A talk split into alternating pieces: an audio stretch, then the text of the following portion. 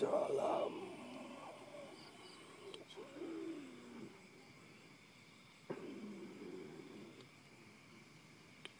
Silakan duduk merata.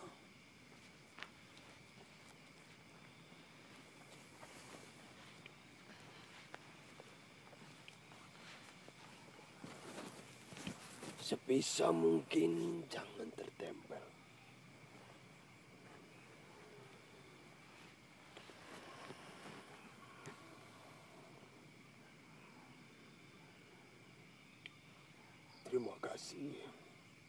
telah menyambut saya.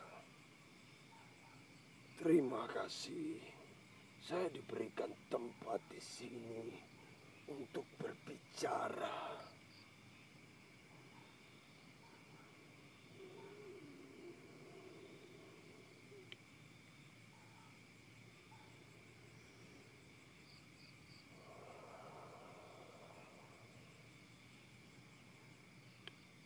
Dari zaman zaman. Dari dekade ke dekade.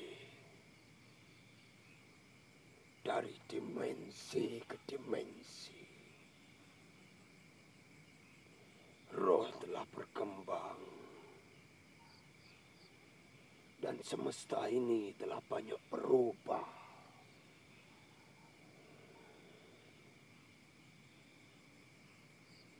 Saya di sini dipersilahkan oleh Yudhistira untuk menjamu kalian, untuk bertemu kalian,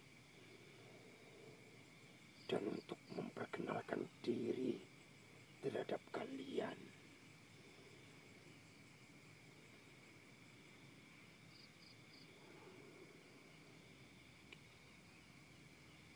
Untuk itu, saya akan coba mendengar siapa kalian.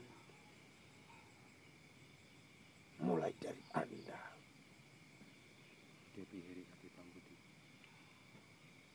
Dan siapa Anda?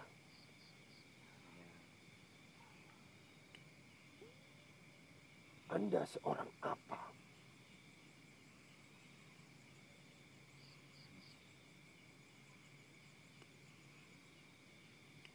Dalam bidang apa Anda hidup?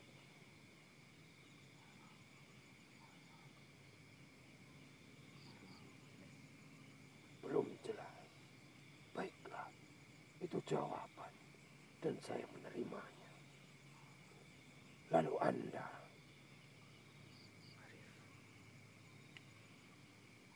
dan siapakah Anda? Saya adalah roh yang terakhir.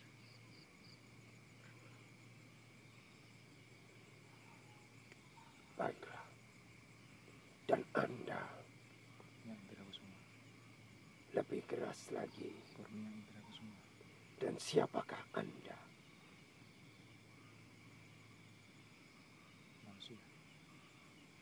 Baiklah. Lalu Anda Vegas Pramana Putra.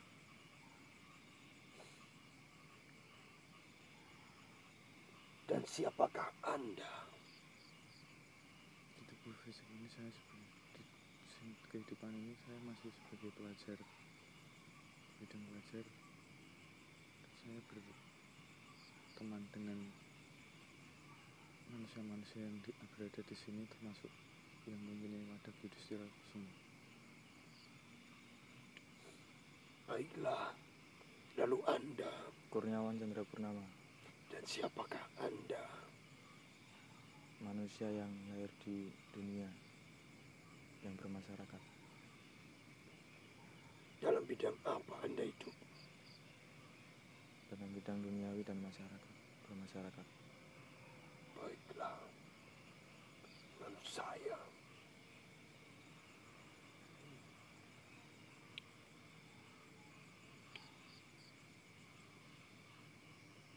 Saya bukanlah roh.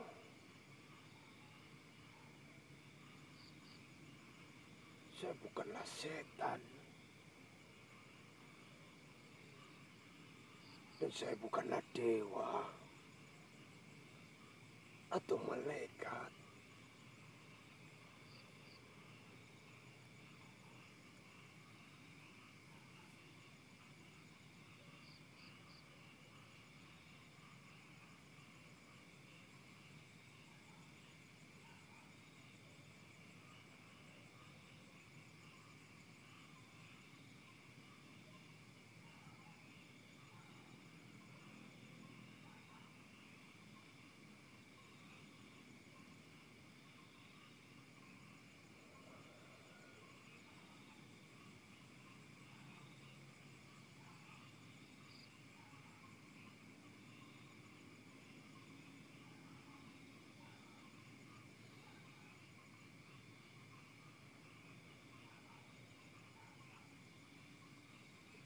saya hanyalah sesosok yang berusaha untuk menjadi murni dan murni.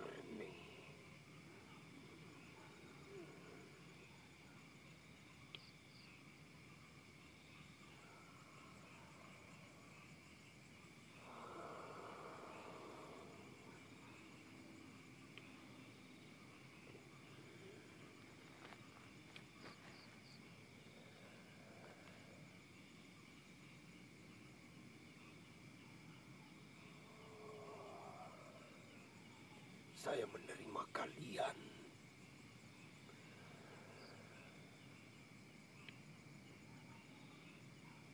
Dengan tenang. Dengan kasih.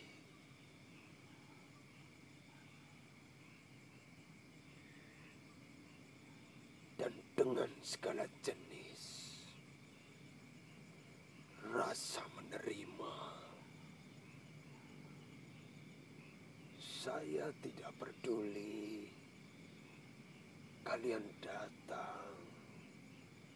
Kalian siapa? Dan kalian dalam bidang apa? Saya di sini hanya ingin menjadikan segala sesuatunya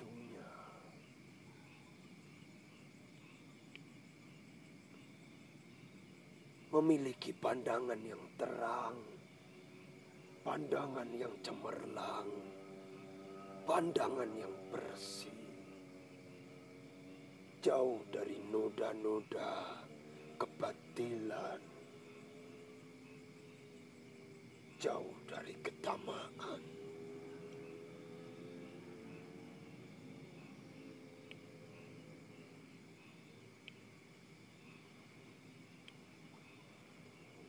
Sebelum saya memberikan sesuatu untukmu, wahai para manusia dan segala yang ada di sini. Siapa yang ingin mengutarakan kegundahan, ketidaktahuan, dan apa yang ingin engkau ketahui dari semua ini? Saya beri waktu untuk kalian berpikir matang-matang. Setelah itu, menghadaplah dan berbicaralah.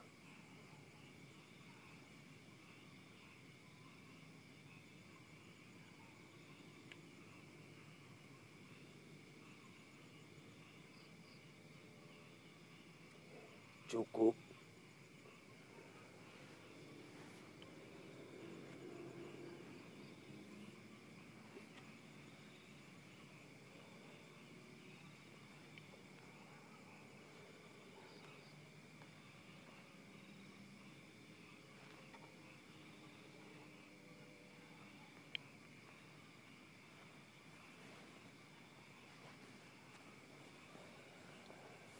maka siapa saja berbicaralah.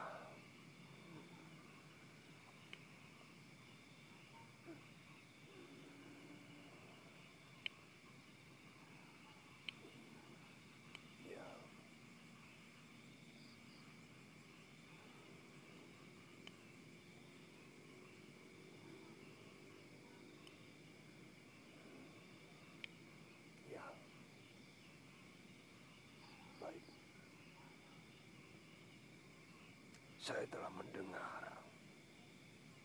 Saya telah memahami. Dan saya telah mengerti.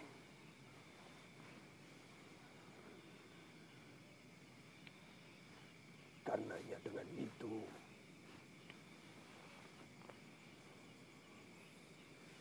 saya beri dua pilihan.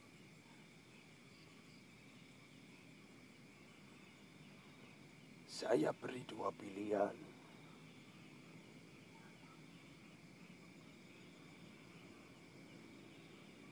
Yang pertama,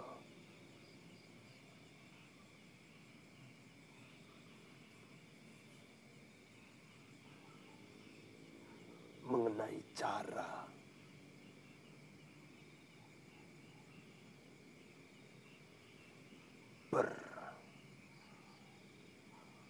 bermeditasi hingga dapat mengendalikan ingatan ke masa lampau. Kalian bisa mempelajarinya.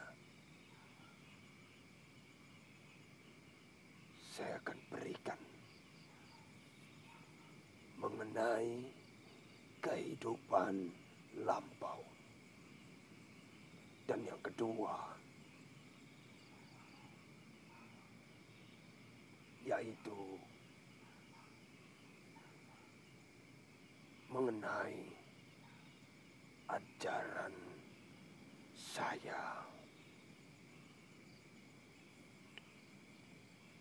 darimu padaku.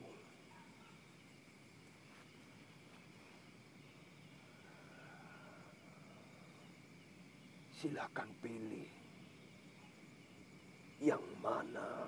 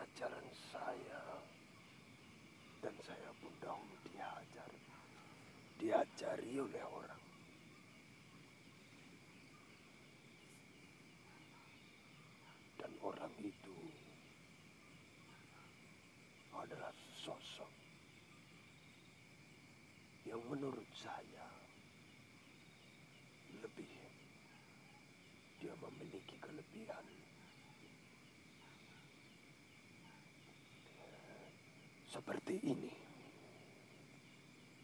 kita akan berimajinasi dan kalian harus menangkapnya. Ada lima jalan perkataan yang bisa dilakukan orang lain terhadap kalian.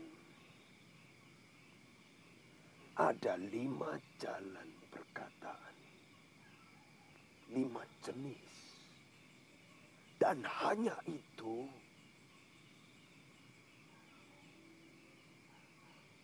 yang hanya itu bisa dilakukan oleh orang lain, manusia lain, roh lain, semesta lain, dan segala jenisnya yang berkehidupan. Hanya ada lima jenis cara berkomunikasi yang hanya itu saja yang dapat dilakukan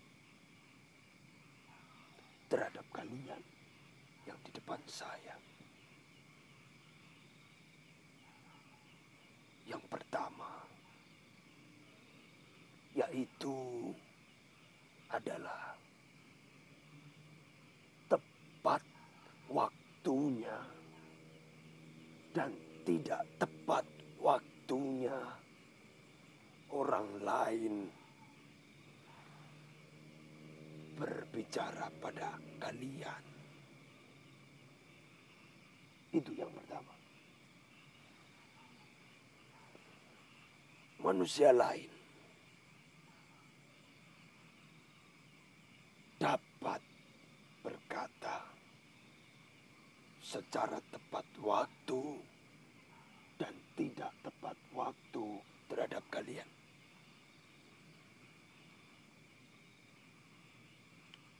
Bisa dimengerti. Jadi, mereka berbicara bisa tepat waktu, bisa tidak. Ini mengenai dimensi waktu yang berjalan.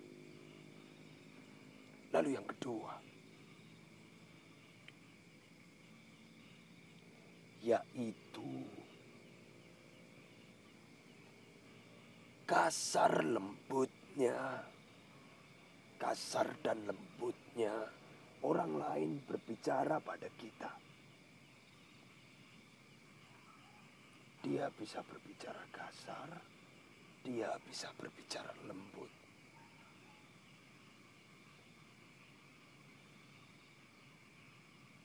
Bisa dimengerti. Bisa dimengerti. Lalu yang ketiga, yaitu benar dan tidak benarnya kata-kata mereka terhadap kita.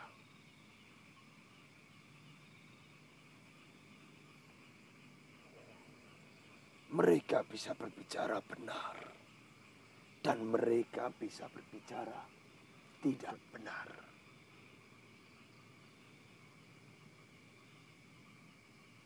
Lalu yang keempat,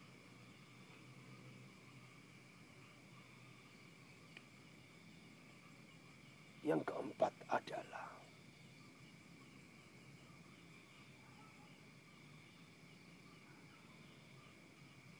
mereka manusia-manusia di luar sana dapat berbicara terhadap kita.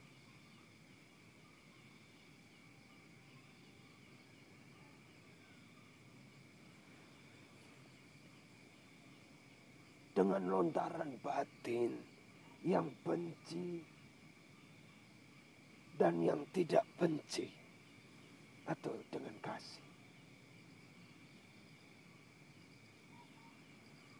Mereka dapat melakukan itu berbicara yang didasari kebencian atau rasa kasih. Saya akan ulang lagi. Yang pertama, manusia lain dapat berbicara terhadap kita. Apa tadi? tepat waktu tepat dan tepat dan tidak tepat waktu. Jadi bisa kalian tepat dan tidak tepat waktu. Lalu yang kedua apa tadi? kasar dan kasar dan lembut Kasar dan lembutnya. Yang ketiga benar dan tidak benar benar dan tidak benarnya. Dan yang keempat lontaran batin benci dan tidak benci apa lontaran batin yang benci dan yang kasih. Lalu yang kelima, Apa itu yang kelima? Dan seperti apakah yang kelima ini? Kita mengetahui bahwa hidup itu sangatlah sulit jika kita katakan sebagai contoh. Ketika kita ditanya oleh orang lain Anda manusia seperti apa? Kita akan sulit menjawabnya. Karena kehidupan itu sangatlah tidak seimbang dan tidak setara dengan kata-kata atau bahasa.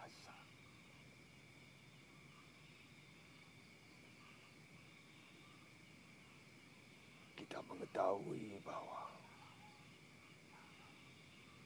kita tidak bisa menghitung berapa jumlah udara di bumi ini. Dan seperti itulah berapa jumlah batin kita di dalam satu raga ini. Batin kita tidak terhitung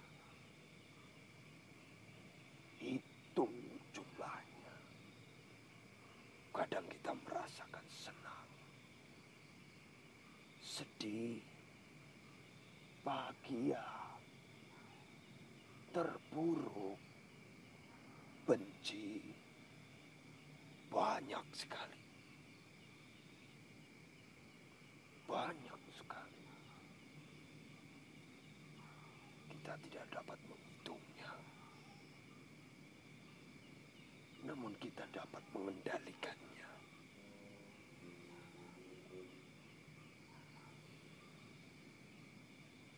Seperti pada yang kelima.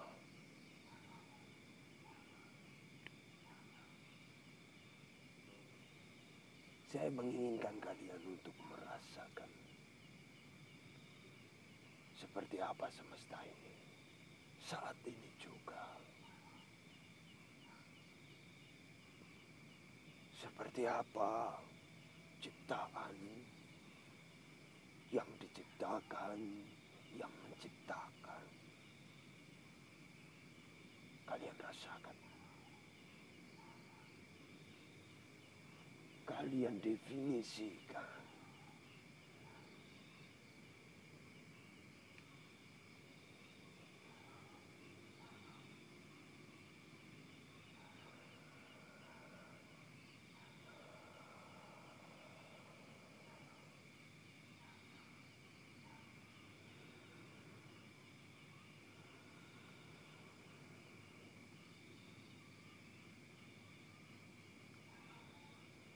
Segeralah batin kalian lontarkan ke ujung semesta.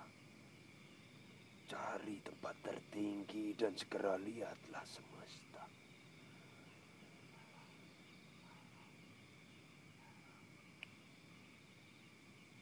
Lihatlah galaksi-galaksi.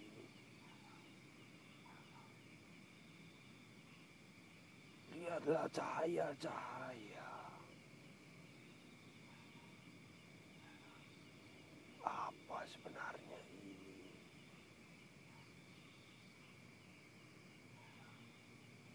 Saya akan beri waktu kalian sesaat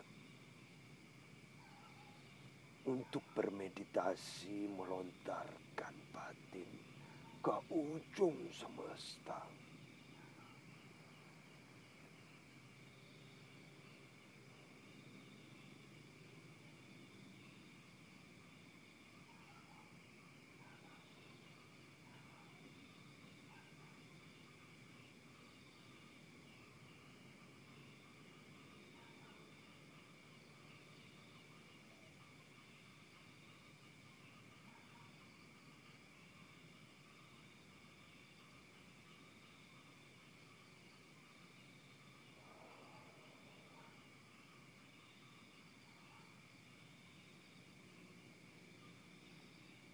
maka cukuplah. kita akan berpandangan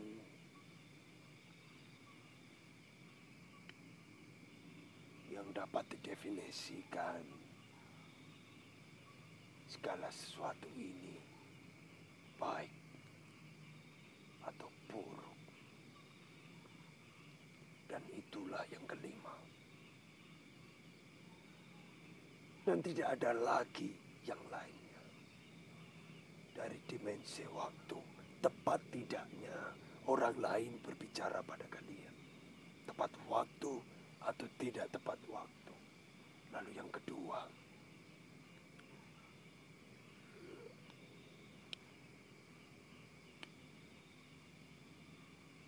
maaf sebentar.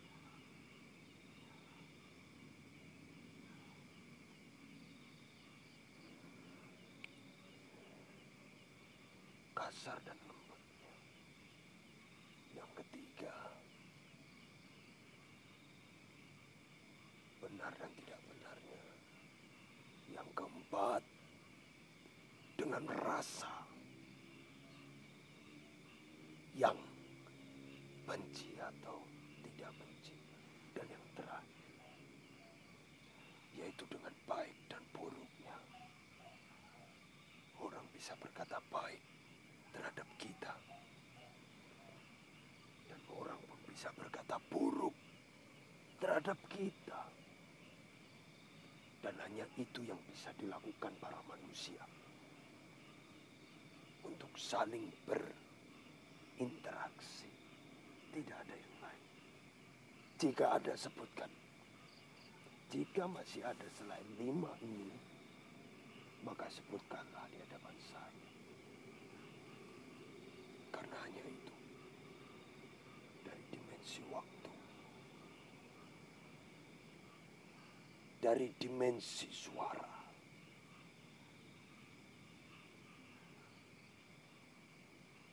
Dari dimensi kemurnian. Kemurnian itu baik dan maaf benar dan tidak benarnya. Jika murni pasti benar. Lalu dengan dimensi kak atau dimensi batin. Dan yang terakhir yaitu dimensi keseluruhan. Kita dipandang baik atau buruk. Sampai detik ini silahkan berpikir. Kalian sudah dipandang baik atau buruk.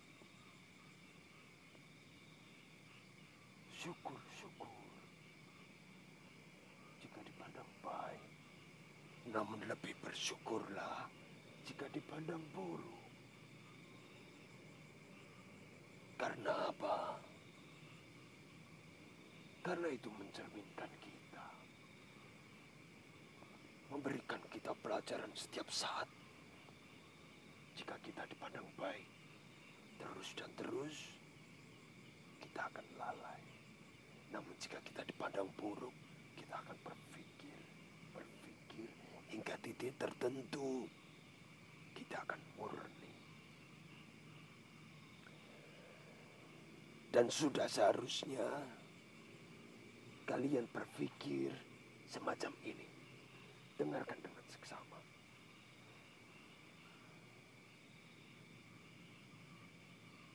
Saya tidak akan terpengaruh oleh hal-hal yang berbau noda-noda pikiran, noda-noda batin. Saya akan berlatih semacam itu. Tidak tergoyahkan batin saya. Saya tidak akan berbata, tidak akan berkata-kata pahit terhadap orang lain. Saya akan berkata lembut namun benar. Lalu saya akan landasi dengan kemurnian kata-kata saya. Saya akan landasi dengan cinta kasih, saling menyayangi. Dan saya akan berpandangan baik terhadap siapa saja di depan saya.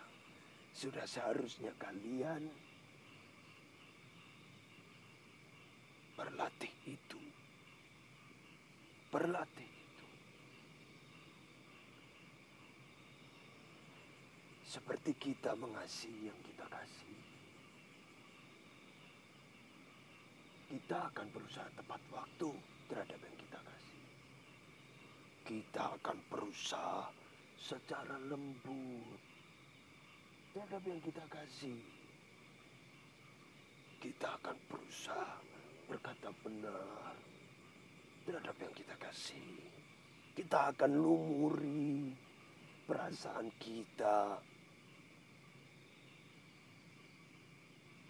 dengan rasa kasih terhadap yang kita kasih.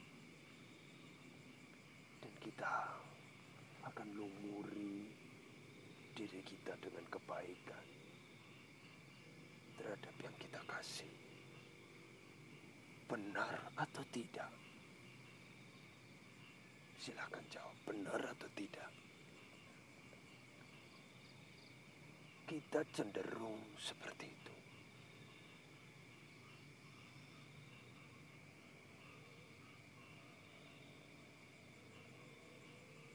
Namun dalam ajaran saya, ketika ketika ada manusia lain datang di hadapanmu, lalu kemudian dia berniat jahat, dia berniat benci, benci hingga sedarahmu.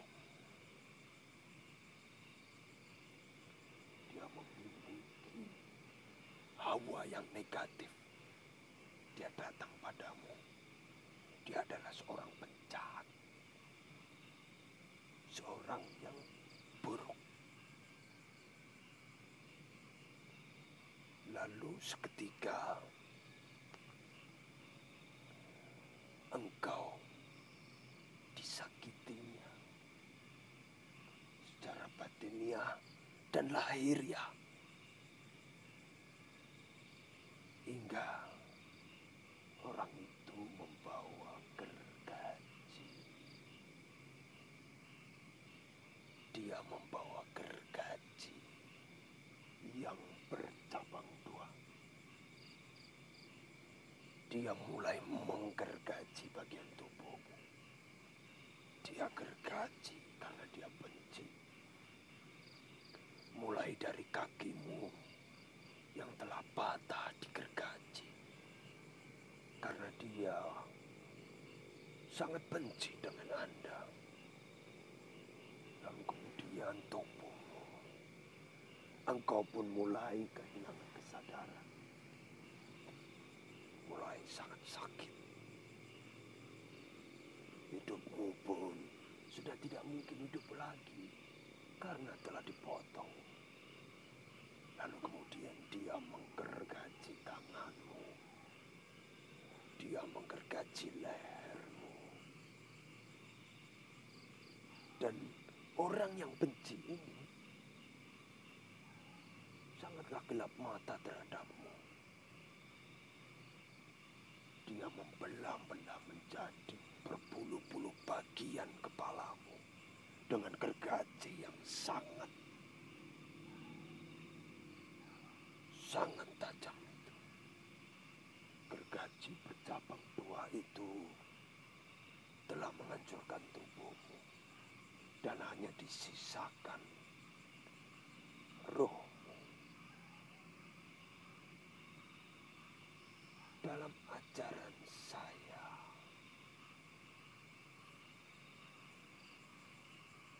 kalian pun harus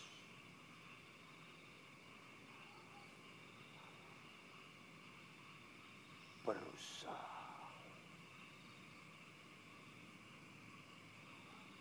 untuk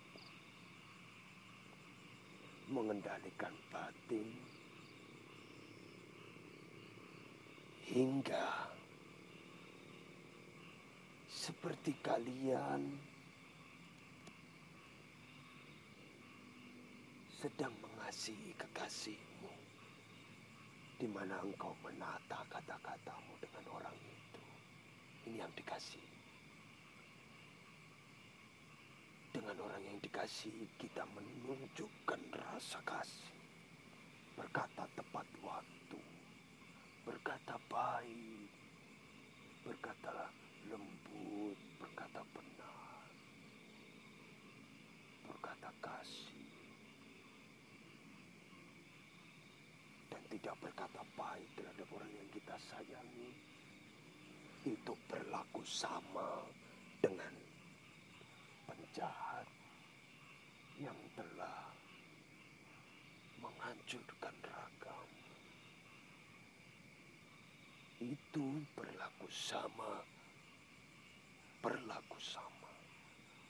Kita tidak boleh berkata baik terhadap orang yang telah menyakiti kita hingga kita dipotong-potong tubuh kita. Berlumuran darah. Kepala yang sudah tercapik-capik menjadi puluhan bagian. Rasa kita tidak boleh tergoyahkan. Harus sama seperti kita mengasihi kekasih kita. Maka dengan ini Ingatlah perumpamaanku ini, sahabatku. Ingatlah untuk jangka yang waktu lama akan berpengaruh dalam kehidupanmu. Ingatlah.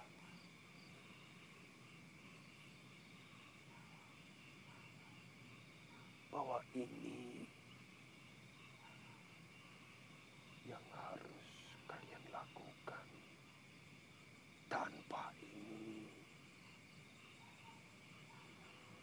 kalian akan menjadi manusia selamanya. Selamanya. Selamanya mengalami penderitaan. Namun ketika apa yang saya katakan tadi mengenai perumpamaan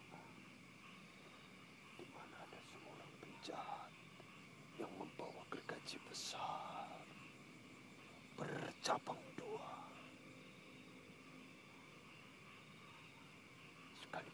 datang dilumuri dengan kebencian kita memperlakukannya harus sama dengan orang yang kita kasih dalam segala jenis kehidupanmu.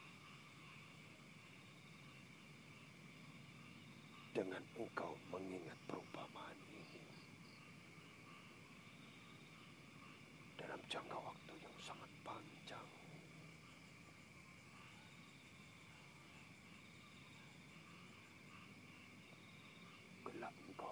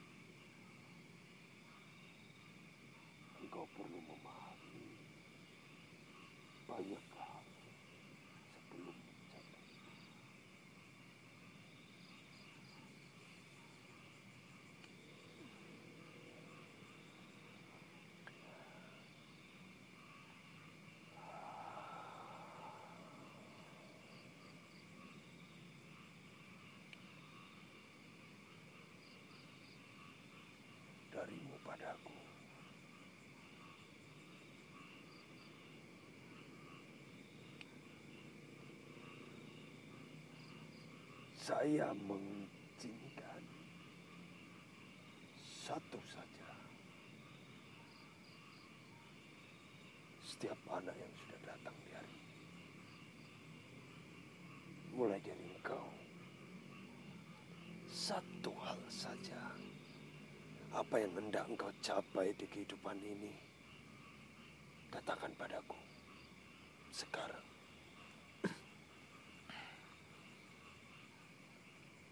untuk mencapai di kehidupan ini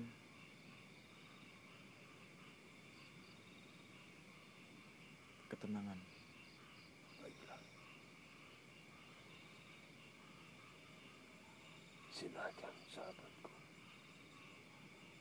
Apa yang hendak engkau capai di kehidupan ini? memberikan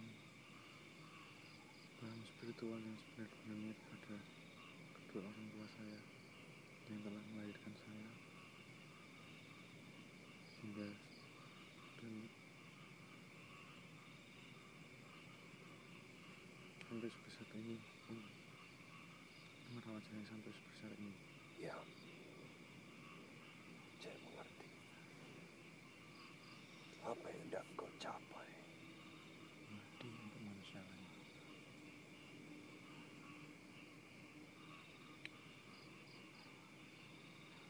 Silakan. pencerahan